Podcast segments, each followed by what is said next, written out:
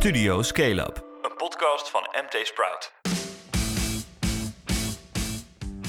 Dames en heren, van harte welkom bij Studio Scale-up, de wekelijkse podcast van MT Sprout, waarin wij het laatste nieuws doornemen over startups, over scale-ups en de incidentele fuck-ups. Mijn naam is Remy Gieling en aan de andere kant van de digitale ether, terug uit niemandsland, zit niemand minder dan Philip Buters. Oh, zo fijn dat ik weer thuis ben. Compleet eh, weggeregend uit Zuid-Limburg, begrijp ik. Ja, echt. Het was eh 2 graden s'nachts en eh 12 graden overdag. Met af en toe heel veel regen en ook nog wind.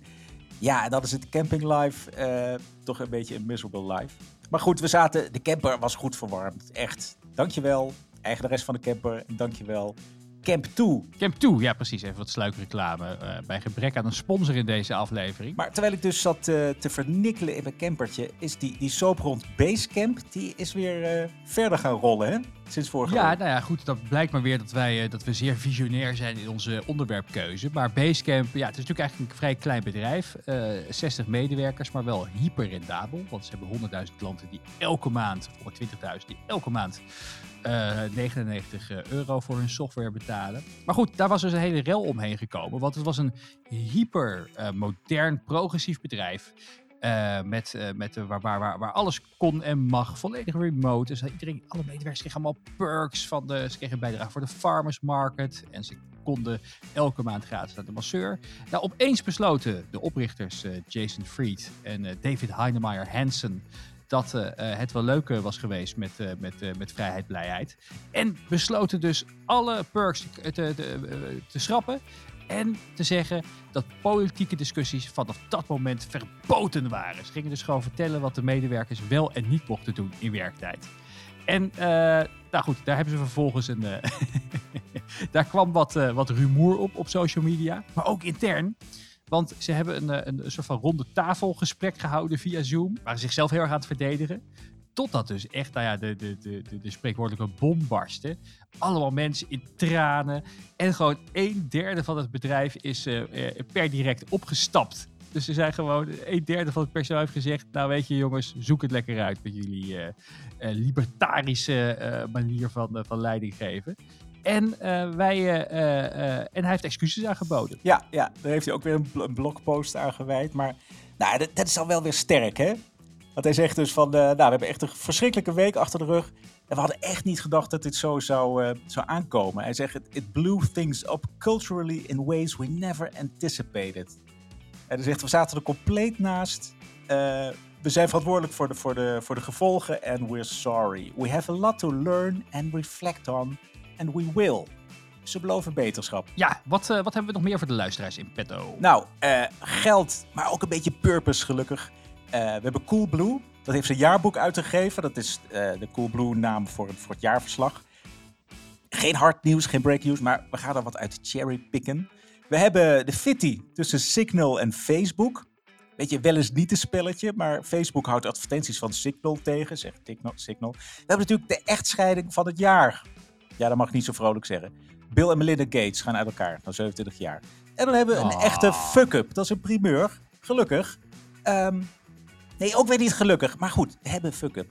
De start-up, Lido Music, van Eelco van Koten. En die was nou echt twee maanden live en heeft nu al faillissement aangevraagd. Hoe zit dat? En we vroegen Joost Brugmans van Order Champ wat hij heeft geleerd van de coronacrisis. Nou, volgens mij vooral dat het een heel goed idee is om webshops op te zetten. We gaan beginnen.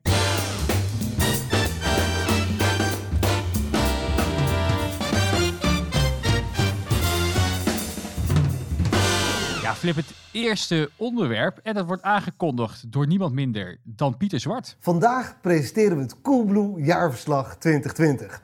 De mooie cijfers hebben we eerder bekendgemaakt, maar nu verder uitgebreid met nog meer mooie cijfers en prachtige beelden en verhalen. En dat 100% digitaal. Echt eentje voor in de boeken. Je kunt hem bekijken op jaarboek.coolblue.nl. Ja, je hoort het. Coolblue heeft zijn nieuwe jaarverslag uitgebracht. En ze noemen dat het eh, jaarboek. Terwijl het gewoon eigenlijk eh, eh, alleen maar virtueel is. Zegt hij zelf ook heel mooi. Goed voor, goed voor de plantjes en dieren. Het is fantastisch gelayout allereerst. Dus het is echt een kijkje waard. We zetten de link in de show notes. Maar wij zijn natuurlijk zo benieuwd, Flip. Wat staat daarin? Ja, een hoop woordgrappen, woordspelingen. Eh, je ziet Pieter natuurlijk eh, in het videootje weer met zijn handjes wapperen, hè, die typische manier van spreken. Altijd heel blij, altijd eh, vol met, met energie, 110% Nou, geen breaking news. Wel, ja, het is toch gaaf. Als je het zo dat jaar op een rijtje zet, de groei, dat wisten we al, maar de omzet ging van anderhalf naar net geen 2 miljard. Ja, EBITDA jammer, van jammer. 48 naar 114 miljoen. Dat is EBITDA. Ik geloof de netto winst zit iets rond de 60. Ja, het is natuurlijk ook moeilijk om die te groeien tijdens corona. Als je, als je in, de, in de markt zit van, van Coolblue. Ze zijn Duitsland ingegaan, wisten we ook. En ze hebben een primeur. eh namelijk, ze hebben een hit gescoord dit jaar. We gaan even luisteren. Wij doen alles voor een glimlach, hey. Vier oog, dat is wat ik je beloof. Wij doen alles voor die glimlach, hey. In die blauwe bus, we zijn altijd onder rood. Al- al- altijd onder rood, gewoon doen. We brengen het omhoog en we komen op tijd. Gewoon doen, maar heb je een liftje, dan maak je mij blij. Hey, shout out naar die boys in blue. Want je weet toch hoe die boys het doen. Gewoon doen. Vier hoog, pakken alles uit. Vandaag besteld, morgen brengen we het bij je Wij doen thuis. alles voor die glimlach. Alles voor die glimlach. En we zijn nog lang niet klaar, het begint pas. Elke dag Ja, wordt hier eh, Marlin of Merlin en Jacques, die eh, het, eh, de grote hit eh, Alles voor een Glimlach hebben uitgebracht. 1 miljoen views, mensen. 1 miljoen views. Echt. Ja, het is ook een heerlijk, heerlijk nummer. Nee, Kan, maar eh, het- kan, kan- hij kan op repeat. Hij Ja. kan op zo op repeat. Hé, maar eh, lang leven de lol. Maar er staan een paar, paar slimme en groene dingen in die, die Coolblue het afgelopen jaar gaan. Echt, echt toch ook anders dan andere grote, grote e-commerce bedrijven. Wat mij heel erg eh, opviel is inderdaad dat die fietsbezorgingen zo gegroeid waren. Van 315.000 naar 775.000 keer zijn ze op de fiets bij mensen langs geweest. Ja. En dat is best een forse aantal als je kijkt dat er in totaal 1,7 miljoen keer is aangebeld bij mensen. Ja, ze zeggen Dus er- 90% van de kleine pakketten bezorgen ze per fiets. In 23 steden in eh, Nederland, België, misschien ook Duitsland. Dus en dat Ja, pakken dat ze zelf voor- op. Hè. Ze, ze doen dus niet... eh, ze schakelen niet onderaannemers in of hè, wat, wat veel andere. Maar ze hebben gewoon... Alles is helemaal blauw. Die bezorgers zijn in dienst. eh, die fietsen zijn eh, blauw met, met oranje. En dat schalen ze echt heel snel op. Verzendzakken is ook zoiets. Dus als je, je hoeft niet iets... dingen zitten al in een doos. En dan moet er altijd nog een doos omheen. Dat is natuurlijk enorm veel kartonnen, dat vreet energie. Dus ze doen steeds meer dingen in verzendzakken. Gewoon een papieren zak, hop. Het wordt toch handmatig bezorgd. Dus ja, dat, zo kwetsbaar is het allemaal niet. En het is al goed verpakt. Dus soms ook als een tv in een grote doos zit, doen ze er niet nog eens een keer een eigen doos omheen. Dat zijn... Ze hebben ook nog eens, eh, ze hebben daar voor mij ook een hele dure machine voor laten ontwikkelen. Dat is een apparaat, hebben al eerder ge- gebouwd voor Coolblue, dat dan eh, het, het, het, het, papiertje of het zakje inderdaad om zo'n eh, om zo'n product Ja, heen, de eh, doos, heen- de doos. Ja, ja, en dan hebben ze dus, ehm, dan vervoeren ze ook minder lucht. Hè? Dus die dozen zijn vaak precies op maat. Die worden gewoon helemaal om het, om het eh, product heen ge- gevouwen. Dus dat doen ze goed. Wat ook bijzonder is, vind ik volgens mij, eh, wasmachines nemen ze, goed, nemen ze in natuurlijk als extra service als je een nieuwe wasmachine koopt. Maar die oude wasmachines, als het kan, repareren ze die dingen. En dan zetten ze of weer op de webshop als ze echt bijna nieuw zijn. Maar ehm, ze bieden ze ook aan aan eh, ja, mensen met minder geld. Weet ik wat, kringloopbedrijven. En op een of andere manier weten ze toch door te verkopen. Dus dat is echt een hele hoogwaardige recycling natuurlijk. En, en ander iets waar ze volgens mij goed mee bezig zijn, is, is hun mensen. Want die mensen die die wasmachine, wasmachines repareren, oplappen, die leiden ze zelf op. Want ook dat is groei. Ze zijn van 4600 naar bijna 6400 mensen gegroeid. Er zijn veel bezorgers bij, 1200 bezorgers. Maar ook bijvoorbeeld 115 data-analysten. En jaarlijks, in ieder geval in 2020, hebben 88.000 mensen gesolliciteerd. Dus het is ook nog een geweldige HR-fabriek, waar ze ook inzetten op doorstroming. Maar echt serieus. Dus ze hebben die opleiding van witgoedreparateurs. Ze hebben de Sunniversity. Daar leiden ze mensen op tot zonnepaneleninstallateur. Nou, Eh, hoe zit het eigenlijk met het eigenaarschap? Want ze hadden een, een beursgang gepland, die werd vervolgens uitgesteld tot later van het jaar. Wat, eh, hoe, hoe, hoe zit het met het, met het aandelenkapitaal van Pieter Pieterman? Oh, dat, ja, dat is een leuk. eh, dat was ook geen, maar toch leuk om het even terug te zien in het jaarboek. Hij heeft toch zelf iets meer dan de helft van de aandelen. Hij heeft natuurlijk zijn twee medefounders heeft hij uitgekocht. Hal is een andere grote aandeelhouder, grote investeringsmaatschappij. Maar die heeft dus nog niet meer dan de helft. Dus Pieter owns the place. En je ziet ook dat ze wel echt op weg zijn naar die IPO. Want er zit een, eh na alle grappen en grollen en groene voornemens, zit toch ook een flink stuk hoofdstuk in over risicomanagement. Die risicoparagraaf. Nou, dat komt echt super volwassen over. Dat is echt iets wat je doet. Ja, ook als je een IPO moet filen, moet je natuurlijk alle risico's. Nou, en het echt- leuke is dus, ze hebben dus alle eh, strategische risico's, operationele risico's, financiële risico's in kaart gebracht met een soort van bolletjes van hoe groot de kans is dat, er, eh, dat het risico is, dus van zeer laag naar zeer hoog. En eh, het, de meeste bolletjes komen voor bij het kopje concurrentie. En zelf zeggen ze daarover, we zitten in een hypercompetitieve markt. Onze risicobereidheid is, op het gebied van concurrentie is groot. Eh, we zien het juist als een kans om nog verder te gaan voor onze klanten. Zo zijn we voortdurend bezig met het verbeteren van onze klantreizen, eh, mogelijk woord. En investeren we in de kwaliteit van onze service en nieuwe proposities. Dit geeft ons een sterk concurrentievoordeel. Ja, hier zie je al dat het bijna een beursdocument begint te worden. Hè? Ja, dit is, eh, ja, hier is het glas echt half vol. Maar dat is vanaf het begin al hoor. Het, ehm, zij voeren niet de concurrentie op, op prijs. Hè? Dat is die, die, die, die spiraal naar de bodem van de markt. Zij gaan echt vol voor het merk, voor die service. Dat maken ze volgens mij ook waar. En vanaf het begin af aan, ehm, ja, moeten ze dat wel doen. Want ze willen niet die, die, eh, die race to the bottom eh, aan. Waar Amazon natuurlijk wel kampioen in is. En, kampioen, ja, en, en andere partijen kapot maakt. Zou Coolblue met zijn merk en die glimlach, zou het dan eh, ja, toch moeten redden naast Amazon? We gaan het zien. Hey, geen stress, het is gewoon doen. We komen op de fiets, dat is gewoon groen. Alles voor een lach is wat het toe doet. Dit is voor jou, dit is cool blue. Wij doen alles voor een glimlach, ey. Vier oog, dat is wat ik je beloof. Wij doen alles voor die glimlach, ey. In die blauwe bus, we zijn altijd onder rood. Al- al- altijd onder rood. Gewoon doen, we brengen het omhoog en we komen op tijd. Gewoon doen, maar heb je een liftje, dan maak je mij blij. Gewoon doen. Ja, dan gaan we door naar het tweede onderwerp. De echtscheiding van het jaar. Bill en Melinda Gates en Trevor Noah. Ja, fantastische komiek en eh, talkshow-presentator in Amerika. Die eh, beschreef het als volgt. Bill and Melinda Gates are getting a divorce, which is devastating to me. I mean, they were married for 27 years. Like, I found myself going, if the Gates can't make it work, then marriage is over, people. And what's interesting about this story is that Melinda was the one who filed for divorce. And I don't know the why, I don't know the how. All I do know is, if ever there was a thing that proved Bill Gates doesn't control minds, I mean, this is it. Ja, it proves that Bill Gates doesn't control minds, people. Bill Melinda Gates, Bill eh, eh, 65, eh, Melinda 56, klein leeftijdsverschilletje. Die kondigen dus aan dat, eh, dat ze na 27 jaar huwelijk gaan scheiden.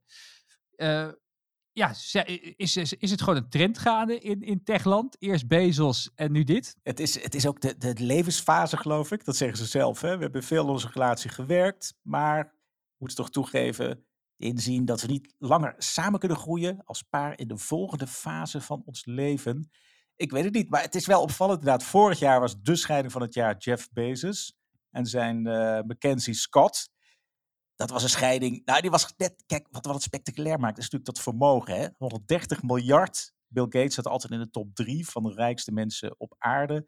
Eh, Bezos, die zat er nog net iets boven vorig jaar. 137 miljard was daar te verdelen. Ze hebben beide gewoon geleerd van Elon Musk. Die, heeft al, die is al 800 keer gescheiden. En heeft inmiddels eh, 30, eh, 30 kinderen rondlopen uit verschillende huwelijken. Ja, maar ja, het, het is nooit leuk. Dus de- iedereen zit nu te kijken van hoe wordt die boedel verdeeld. Ehm, ze hebben dus geen prenup, schijnt, maar een, een echtscheidingscontract. En iedereen wil nu weten wie krijgt wat. Maar daar gaat het natuurlijk niet om. Eh, eigenlijk het belangrijkste van hun, vind ik, als paar, is natuurlijk die Bill en Melissa Gates Foundation. Die hebben ze opgericht eigenlijk al in hun huwelijksjaar, 1994. Die is eh, echt huge. Daar gaat Het is de grootste private NGO ter wereld. ze geven echt per jaar meer dan 5 miljard dollar uit. En ter vergelijk, dat is ongeveer het budget dat eh, Nederland aan ontwikkelingshulp heeft. Dus 5 miljard per jaar. En natuurlijk heel veel HIV-AIDS, maar nu natuurlijk ook eh, die coronapandemie. Ja, ze hebben zoveel kennis. Ze hebben ook heel veel, 1600 medewerkers. Ze hebben geld, kennis. eh, ze draaien echt fantastische programma's. Het gaat inderdaad eh, om de gezondheid te verbeteren, maar ook armoede de wereld uit te helpen, eh, educatie in Amerika. En dat vind ik dan echt van deze scheiding het goede nieuws. Eh, Belinda, Belinda French heet ze. Ze gaat zich de laatste tijd, eh, noemen zich ook al nadrukkelijker Melinda French Gates. Ik bedoel, ze is echt haar eigen woman. Ze is echt gewoon zelf steeds meer op de voorgrond aan het treden. En dat is nu het goede nieuws, dat ze wel echt uit de schaduw van Bill Gates eh, komt. En het, het, het, het grappige is, dus een paar dagen geleden was, eh, was ze nog de gast bij eh, een, een, een virtueel webinar, een virtuele sessie van de Financial Times en de Next Web. Dat heet The Boardroom. Volgens mij komt dat uit de koker van de Patrick de Leve. Is nu op 28 april was ze daar dus nog gewoon te gast. En toen vroeg de interviewer van, how did the pandemic impact you personally? And how, how has the pandemic affected you personally? Mm. Um, obviously, you've received a lot of praise for your work, but you, a lot of criticism also from people on, on the anti vax uh, fringe. How have you been coping? Well, the disinformation is really hard to see. And um, for me personally, it has much more to do with, I think, of the women I've met in places all over the continent of Africa or in, you know, places in India. And I think, how are they coping? And it's unfortunate to see the disinformation spread because I know it means that they may be less likely to get their families vaccinated. So that's been hard to see. On the other hand, you know, I see my own anxiety during a pandemic. Can we go out? Can we go to the grocery store? What can my 18 year old daughter do safely? So I understand people's anxiety. And I just try to keep looking forward and saying, what's the work the foundation can do to make vaccines, diagnostics, and therapeutics get out there faster? And it has meant, you know, a lot more uh, video calls this year than ever before. Um, but you know, I feel incredibly we're we're fortunate as a family for the privilege we have and for having a nice garden I can walk in every day. Nou, en dan zegt ze dus nog, hè, ze zit er ook een beetje ongemakkelijk bij in het gesprek. Ja, misschien zien we dat nu allemaal erin, maar kijk het eens terug. We zullen de link in de show notes zetten. En ze zegt ook, hè, fortunate uh, that, that, that, that we're together as a family. Dan denk ik, nah. Ja, hoor, die And I have contra- a nice garden. Ja, die inkt onder dat, dat was er niet eens droog, eh, waarschijnlijk. Ja, ja, Ja. ja. Ja, maar Dus zij, is echt, zij is echt goed bezig. Ze heeft dus ook een eigen investeringsbedrijf, Pivotal Ventures. Dus die investeert ook enerzijds in startups en, en technologie die echt voor meer equity zorgt. Hè? Eh, daar gaat het echt om. Eh, tussen arm en rijk en, en op gender is ook heel veel. Eh, vrouwen wil ze echt vooruit helpen. En ze heeft ook een challenge. Equality Can't Wait Challenge. Ook voor initiatieven en projecten die zorgen dat, dat vrouwen ehm, ja, gewoon wat, wat, wat meer, eh, wat, wat, wat sterker worden, wat, wat, wat, wat eerlijker eh, bedeeld eh, worden. Precies, precies. En de grote vraag is natuurlijk die iedereen stelt van wat gebeurt er met die grotere foundation die ze samen hebben opgezet, die grote, grote NGO. Ik las al een grapje op, op het internet dat het nu de, Bill Gates en Melinda Foundation gaat, gaat heten. Maar ze hebben zelf gezegd, ook tegen de medewerkers intern, dat, daar niks, dat ze dus niet hoeven te vrezen, dat er gewoon de missie blijft doorgaan. En dat ze samen willen blijven werken. Maar goed, dat is, dat is, dat is nu nog makkelijk praten. misschien dat als de, als de, als de ander met een, eh, met een nieuwe vlam thuis komt. en er zit misschien nog wat oud zeer. Dat, eh, dat, dan, eh, dat ze er dan anders over denken. Nou, dan gaan we door met het interview deze week. En onze collega Maarten Keswiel. Nou ja, sterredacteur kunnen we hem wel noemen. Die sprak met, met, met Joost, Joost Brugmans van Order Champ. Eh, over een investering die ze hebben opgehaald, 16 miljoen. Wat is Order Champ? We waren erover aan het discussiëren, Flip. Nou, we zaten van, is het nou... Kijk, het is, het is een, eh, een, een, eh, een marktplaats voor retailers, hè, die retailers aan merken verbindt. Het is dus waar, waar B2B-bedrijven kunnen daar inkopen. En we zaten, is het nou een webshop of is het een marktplaats? Ga je naar een website en er staat er gewoon bovenin, het is een groothandel. Ja, het is een online groothandel. Waar je dus, of je nou een fysiek of een online winkeltje hebt, eh, dan kun je gewoon eh, ja, spullen inkopen. Ja, en het, is- het is allemaal snuisterijen voor, voor woonwinkels en, en, en dat soort. Hè. Ik, zie- ik zie glazen zie ik staan en kasten en lampjes. Ja, ze breiden, ze breiden continu uit. Ehm, maar dat, ja, als groothandel, grappig. Dat zeggen ze dus in hun, in hun PR, zeggen ze dat niet. Maar op een website staat het gewoon bovenaan. Dat is gewoon een groothandel. Maar dat draait dus heel goed. Al in verschillende landen. Ze hebben dus 1800 merken, 200.000 producten. Dat groeit allemaal snel. Vorig jaar hebben ze ook al miljoenen opgehaald. Maar nu ehm, dus weer. En Prime Ventures is in de lead bij deze ronde. Dat is een hele goede, stevige eh, VC. En de investeerders die er al in zaten, Henk en een business angel, eh, Steven van den Berg, die zat achter Afterpay. En natuurlijk Ruud Stelder zelf, want de oprichters zijn vijf mensen volgens mij. Eh, die zijn ofwel werknemer geweest bij SEO Shop of oprichter. En eh, Ruud Stelder is daar dan de, de bekendste van. Dat was echt oprichter CEO van SEO Shop. die heeft daar ook geld in gestopt. Ja, ja, ja. En dat waren natuurlijk de. eh, die hebben dat verkocht aan, aan Lightyear op een gegeven moment. Een grote. eh, of sorry, Lightspeed. Dat SEO shop, hè? Ja, dat was echt Ja, eh, e-commerce software. Ja, het is een soort van de, de, de, de Magento as a service, maar dan, dan helemaal custom build. Dus dan kon je gewoon je, je webshopje openen met een paar, met, met een paar klikken. Eh, Lightspeed is een grote Canadese partij, die voor mij ook beursgenoteerd is inmiddels. En eh, het, is wel geestig dat de, dat, de, dat de mensen die verantwoordelijk waren voor webshop software uiteindelijk, ja, ze noemen het geen webshop, is natuurlijk wel een beetje zelf een webshop beginnen. We gaan even luisteren wat ze zelf zeggen over die 16 miljoen euro. Nou, nu natuurlijk een investering opgehaald. Eh, fantastisch. Het was ook echt wel een uitdagend jaar. we zijn een digitale marktplaats voor retailers en winkels, zodat zij producten kunnen inkopen om daarmee te concurreren met eh, de Amazons van deze wereld. En eh, ja, het is natuurlijk een ontzettende lastige situatie eh, als op een gegeven moment al je, als je winkels dichtgaan en je niet meer je klanten kan bedienen. Dat zagen we natuurlijk vorig jaar in maart al. Ehm, toen viel de omzet op ons platform ook even stil. Dus dan heb je niet ineens een macro-probleem, maar ook een microprobleem. Dus vanuit daar zijn we natuurlijk ook gaan kijken naar, de, naar, naar de, de mogelijke scenario's die wij zouden kunnen eh, of moeten doorlopen. En eh, nou ja, wat, we, wat we eigenlijk zagen is dat na een paar weken begon het op ons platform op zich wel weer te lopen. En zagen we dat eh, de, de, de omzet weer redelijk stabiel was. En eh, nou, toen hadden we wel al eh, twee of drie, eh, drie weken hadden we de, de, de marketingmachine uitgezet.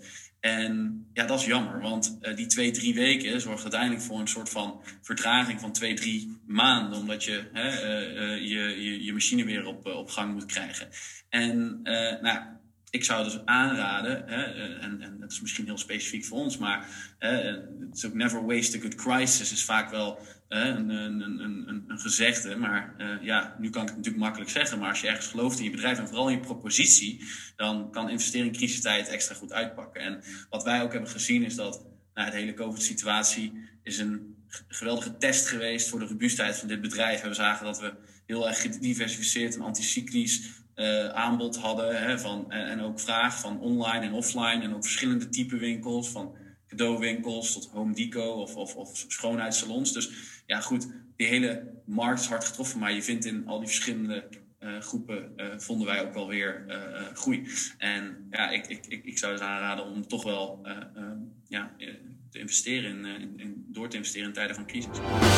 Dan gaan we door naar het derde onderwerp, de fitty tussen Signal en Facebook. En voor wie onder een steen heeft gelegen, legt de co-founder van Signal, Moxie Marlin Spike, wat een bijzondere naam. Ja, dat is een nog artiestennaam, hè? bij. Oh ja? Ja, ja, ja. Oh, eh, dan legt hij nog even uit bij Joe Rogan wat eh, Signal nou precies is. you know, I think ultimately what we're trying to do with Signal is um, stop mass surveillance, to bring some normality to the internet, and to uh, explore a different way of developing technology that might ultimately serve all of us better. We should tell people, maybe people just tuning in. Signal is an app that is uh, explain how it works and what, what it does. I use it. It's uh, it's a messaging app. It's a messaging app, yeah. Yeah, but- fundamentally, it's just a messaging app. Yes. From Explain- lof- lofty aspirations. to- Yeah.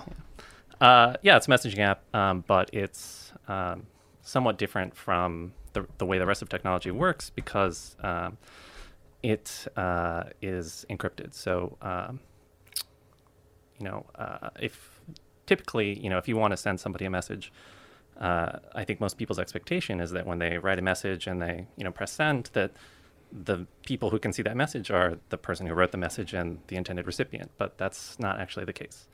Uh, there's, you know, tons of people who are in between who are monitoring these things, who are collecting data information.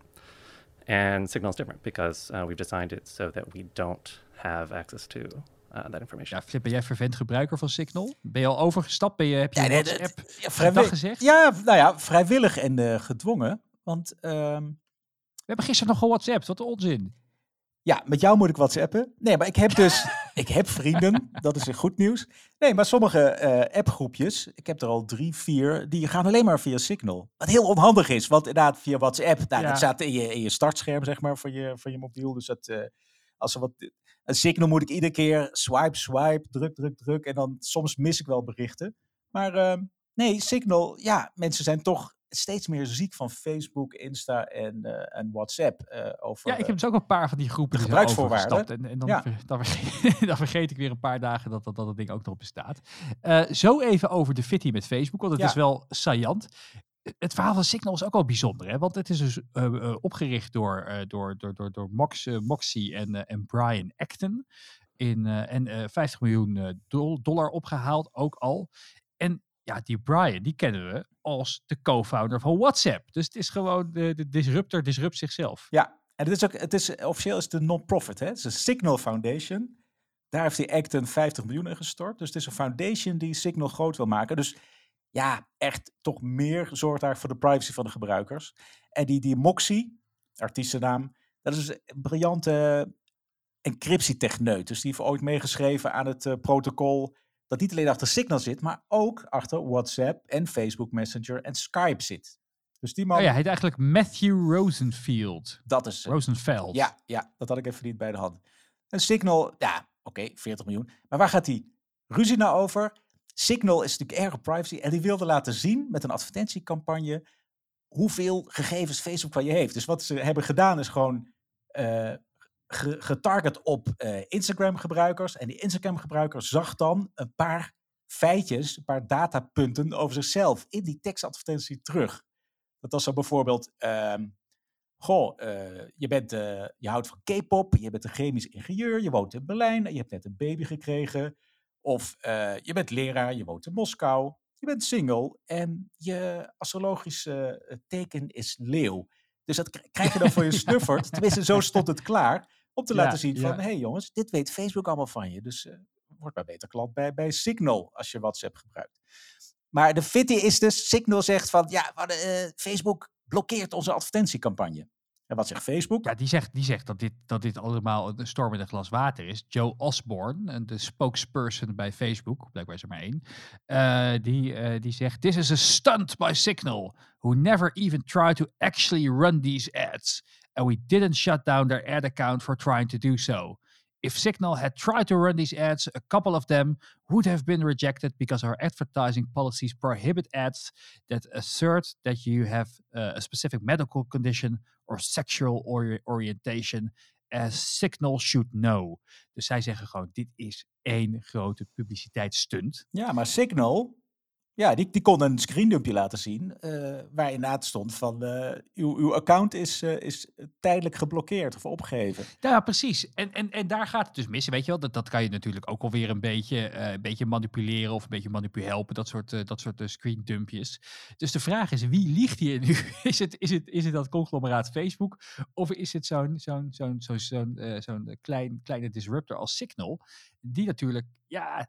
En, en, en, en ja, ze hebben natuurlijk wel de tijdgeest mee. Want iedereen haat Facebook op dit moment. Apple, eh, Apple is er vol, vol tegen in aan het gaan met hun, eh, met hun Do Not Track optie op de nieuwe iOS. Dus het, ze hebben wel de tijdgeest mee om lekker Facebook te bashen. Dus het komt wel heel toevallig op het juiste moment uit de lucht vallen. Ja, en Facebook zegt, ja, die blokkade, dat was in maart. eh, dat ging over betalingsproblemen. Ja, het zou kunnen. Dat is de bekende PR-spin, hè? Van, eh, nee, het is niet A, maar het is B. Ik ben wel benieuwd hoe, hoe Zuckerberg hier naar kijkt. Hij heeft dus heel veel geld gegeven aan eh, Brian Acton en zijn, eh, en zijn companen om WhatsApp te kopen. Om, om vervolgens via de achterdeur keihard, nou ja, Ja, je weet waarom ze weg zijn gegaan. Hè? Je weet, want ze, ze stapten met WhatsApp over naar, naar het Facebook-imperium. Ja, gewetensnood toch? Echt, want dat was pas na 1, 2, 3 jaar of zo. Dus, dus echt hun, hun lock-in-periode was al lang afgelopen. Ehm, maar het, eh, Facebook ging steeds verder in het toch naar binnen trekken van die gegevens van hun eh, WhatsApp-gebruikers.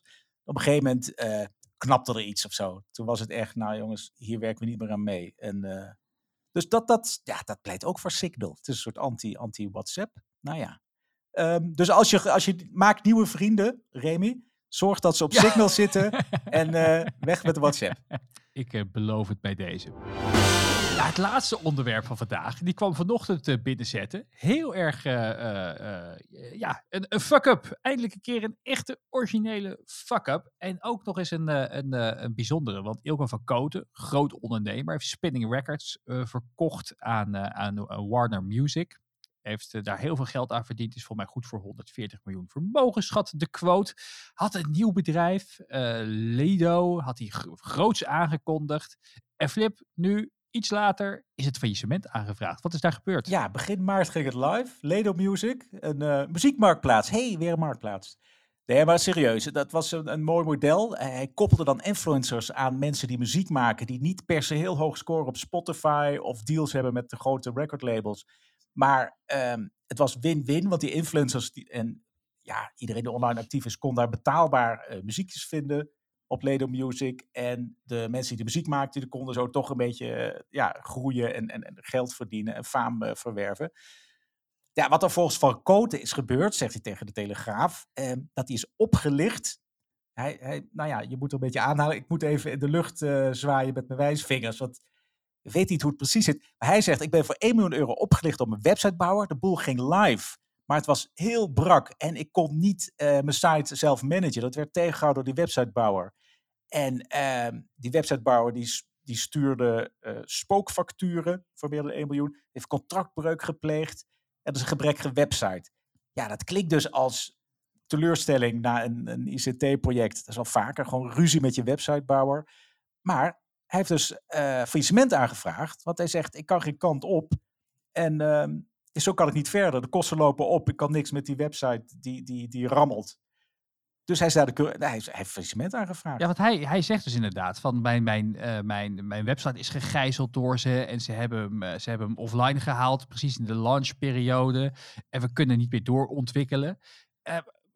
Het, het klinkt ook wel een beetje. eh, hoe, hoe kan je nou als, als, als gevierd ondernemer met, met goed veel vermogen en waarschijnlijk een steef, stevig juridisch team achter je, hoe kan je dit nou laten dat gebeuren? het ook eh, misschien heel, heel praktisch ingestoken is. Eh, je kunt zelf die oude websitebouwer kapot procederen. En, maar je moet toch door. En hij zegt zelf ook van, nou, die ruzie, die discussie, die laat hij over aan de curator. Dus de curator mag, zo ziet hij het voor zich, denk ik, eh, eh, doorprocederen door, door die websitebouwer. En van een reclamebureau, naam hebben we nog niet, eh, nog niet kunnen achterhalen. Nee, ik, ik, ik zit eventjes te googlen in het domeinregister of ik iets kan, iets kan vinden. Maar Maar, hij, zegt nu al van er wordt gewerkt, we proberen, we hopen op een doorstart, er wordt aan gewerkt. Ja, hij heeft er zelf al miljoenen in zitten. Hij heeft genoeg geld om er nog bij te, bij te plussen als er straks een doorstart komt. Dus ja, misschien is dit een korte route om van die websitebouwer en die hele discussie over de rekeningen af te komen. En dat heb je vaker bij startups, zeker met websites, andere IT-projecten misschien uitheilen en opnieuw beginnen. Of op een andere manier toch zorgen dat je die website weer in eigen beheer krijgt. Daar weer een goede nieuwe partij bij zoeken. Nou Ja, een waar, waar je geen ruzie meer hebt. En dan gewoon Ja, door. En ik hoop vooral, ik hoop vooral dat hij misschien een, een, een keer zijn les hierover deelt. Van wat, wat, is, wat heeft er nou in die contracten gestaan dat dit heeft kunnen gebeuren? Want dit, dit wil je natuurlijk voorkomen als je een, een, een start-up of scale-up begint. Dat je blijkbaar de rechten van je site, of in ieder geval het, de, de, de rechten op je domein of je, de instellingen, liggen bij zo'n bij, bij, bij, bij, bij, bij, de, bij, de, tech- bij de techniekpartij. Ja, want die contracten stellen er op voor, dit komt vaker voor, hè, voor, voor het moment dat er eh, teleurstelling overheerst, dat er ruzie ontstaat over functionaliteit. Die heb je altijd. Dat hebben wij toch ook vaak gehad, eh Remy, dat we halverwege zagen we het steeds meer misgaan en eh, Ja. werd het half opgeleverd. Er moest er weer een andere partij bij komen die het alweer ging recht breien. En ze zeggen ook heel vaak over elkaar van, nou, dit kan helemaal niet. En hoe hebben ze het nou zo kunnen doen? En ondertussen zie je het verkeer inzakken en de mensen, ja, bij ons dan lezers die echt eh, hopeloos gefrustreerd raken doordat eh, allerlei knopjes het niet doen of op de verkeerde plek zitten. Ik kan me de pijn wel, wel invoelen. Maar ja, hier is het inderdaad echt zo core, die, die, dat platform. Dus we weten niet of die ruzie wie er nou gelijk heeft. Eh, ja, het lijkt een korte route om, om eruit te komen, het snel achter je te laten en met zo'n doorstart verder te gaan. Want het was natuurlijk een, was, was, was een interessant model. Hij had ook al 30 mensen werken, had een goede CEO aangetrokken. Blijkbaar iemand een van mastodont in de muziekindustrie. Sarah Hildering Dus- van Lid. Ja, het zegt mij niks, maar ik ben ook geen, eh, geen muzikant. Eh, dus nou, ik hoop voor ze dat ze eruit gaan komen. En eh, eh, ja, ik heb op proberen te googlen. Ik kan niet vinden op welk bedrijf het gaat. Naming en shaming mensen. Ja, dat weten we misschien volgende week. Maar toch is het, het is goed voor artiesten als het werkt. Hè. De artiesten krijgen promotie, die influencers en anderen en TikTokkers die krijgen toegang tot goedkope of gratis muziek. Dat is ook mooi. Want, want hoe zit dat? Als je op YouTube een bekende muziek achter je filmpje zet, dan ben je meteen de hoofdprijs kwijt, toch? Aan Ja, nee, dat, dat, dat, dat- sterker nog, dan wordt gewoon je hele video offline gehaald. Dus, eh, eh, en ook bij livestreams. Dus dat, dat, dat zie je ook vaak. Je, je hebt zelfs tegenwoordig van die videogames. Hè? Mensen, mensen zijn steeds meer aan het livestreamen. Dus dan ben je aan het gamen en dan stream je jezelf. En dan, eh, dan, dan praat je er een beetje bij. En dan krijg je volgers en die geven je een beetje geld. Nou, Dat is een enorm verdienmodel voor de, voor, de, voor de jongere generatie. En het, het probleem is dat heel veel games hebben dus commerciële muziek. Dus als je dat, als je dat livestreamt, eh, in je livestream laat horen, ja, dan ben je gelijk de sjaak. Dan wordt je stream offline gehaald, ben je, kan, je, kan je nergens meer geld aan verdienen. Eh, en dus sommige spellen hebben zelfs tegenwoordig dan de optie dat je de commerciële muziek kan uitschakelen tijdens het streamen.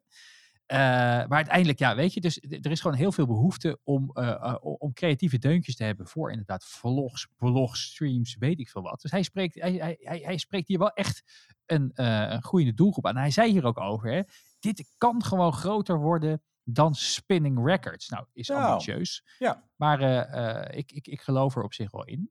En wat ik nog wel mooi vond, als afsluiting, eh eh Ilko zat eh, rond zijn afscheid eh, nog bij Huberto aan tafel, toen hij Mhm. toch zijn RTL 4-programma had.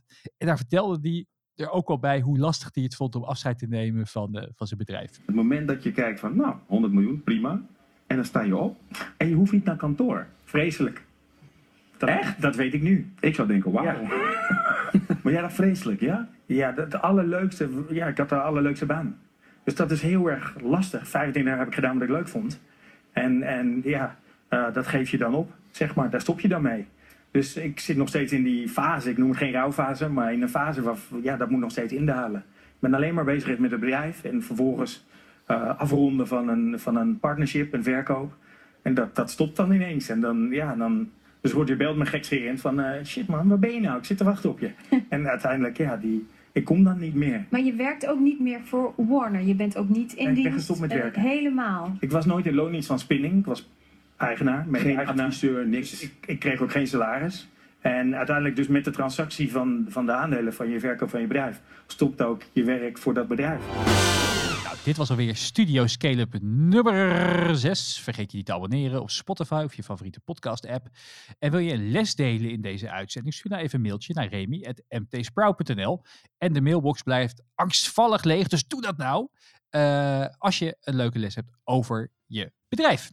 En dat kan ook als je een aflevering wil sponsoren. En we staan open voor alle feedback. Tenminste, dan moet je er maar naar Flip mailen. Flip, famous last words. Ja, mail vooral alle feedback naar mij. Nee, ja, dat is philip.mtsprout.nl. Nee, we zijn echt benieuwd. Is, is het te lang? Is het te kort? Eh, is het te veel eh, borrelpraat? Of eh, houdt het je wel wakker? Zitten er nog lessen in? We horen het graag. Heel erg bedankt voor het luisteren en graag tot de volgende aflevering.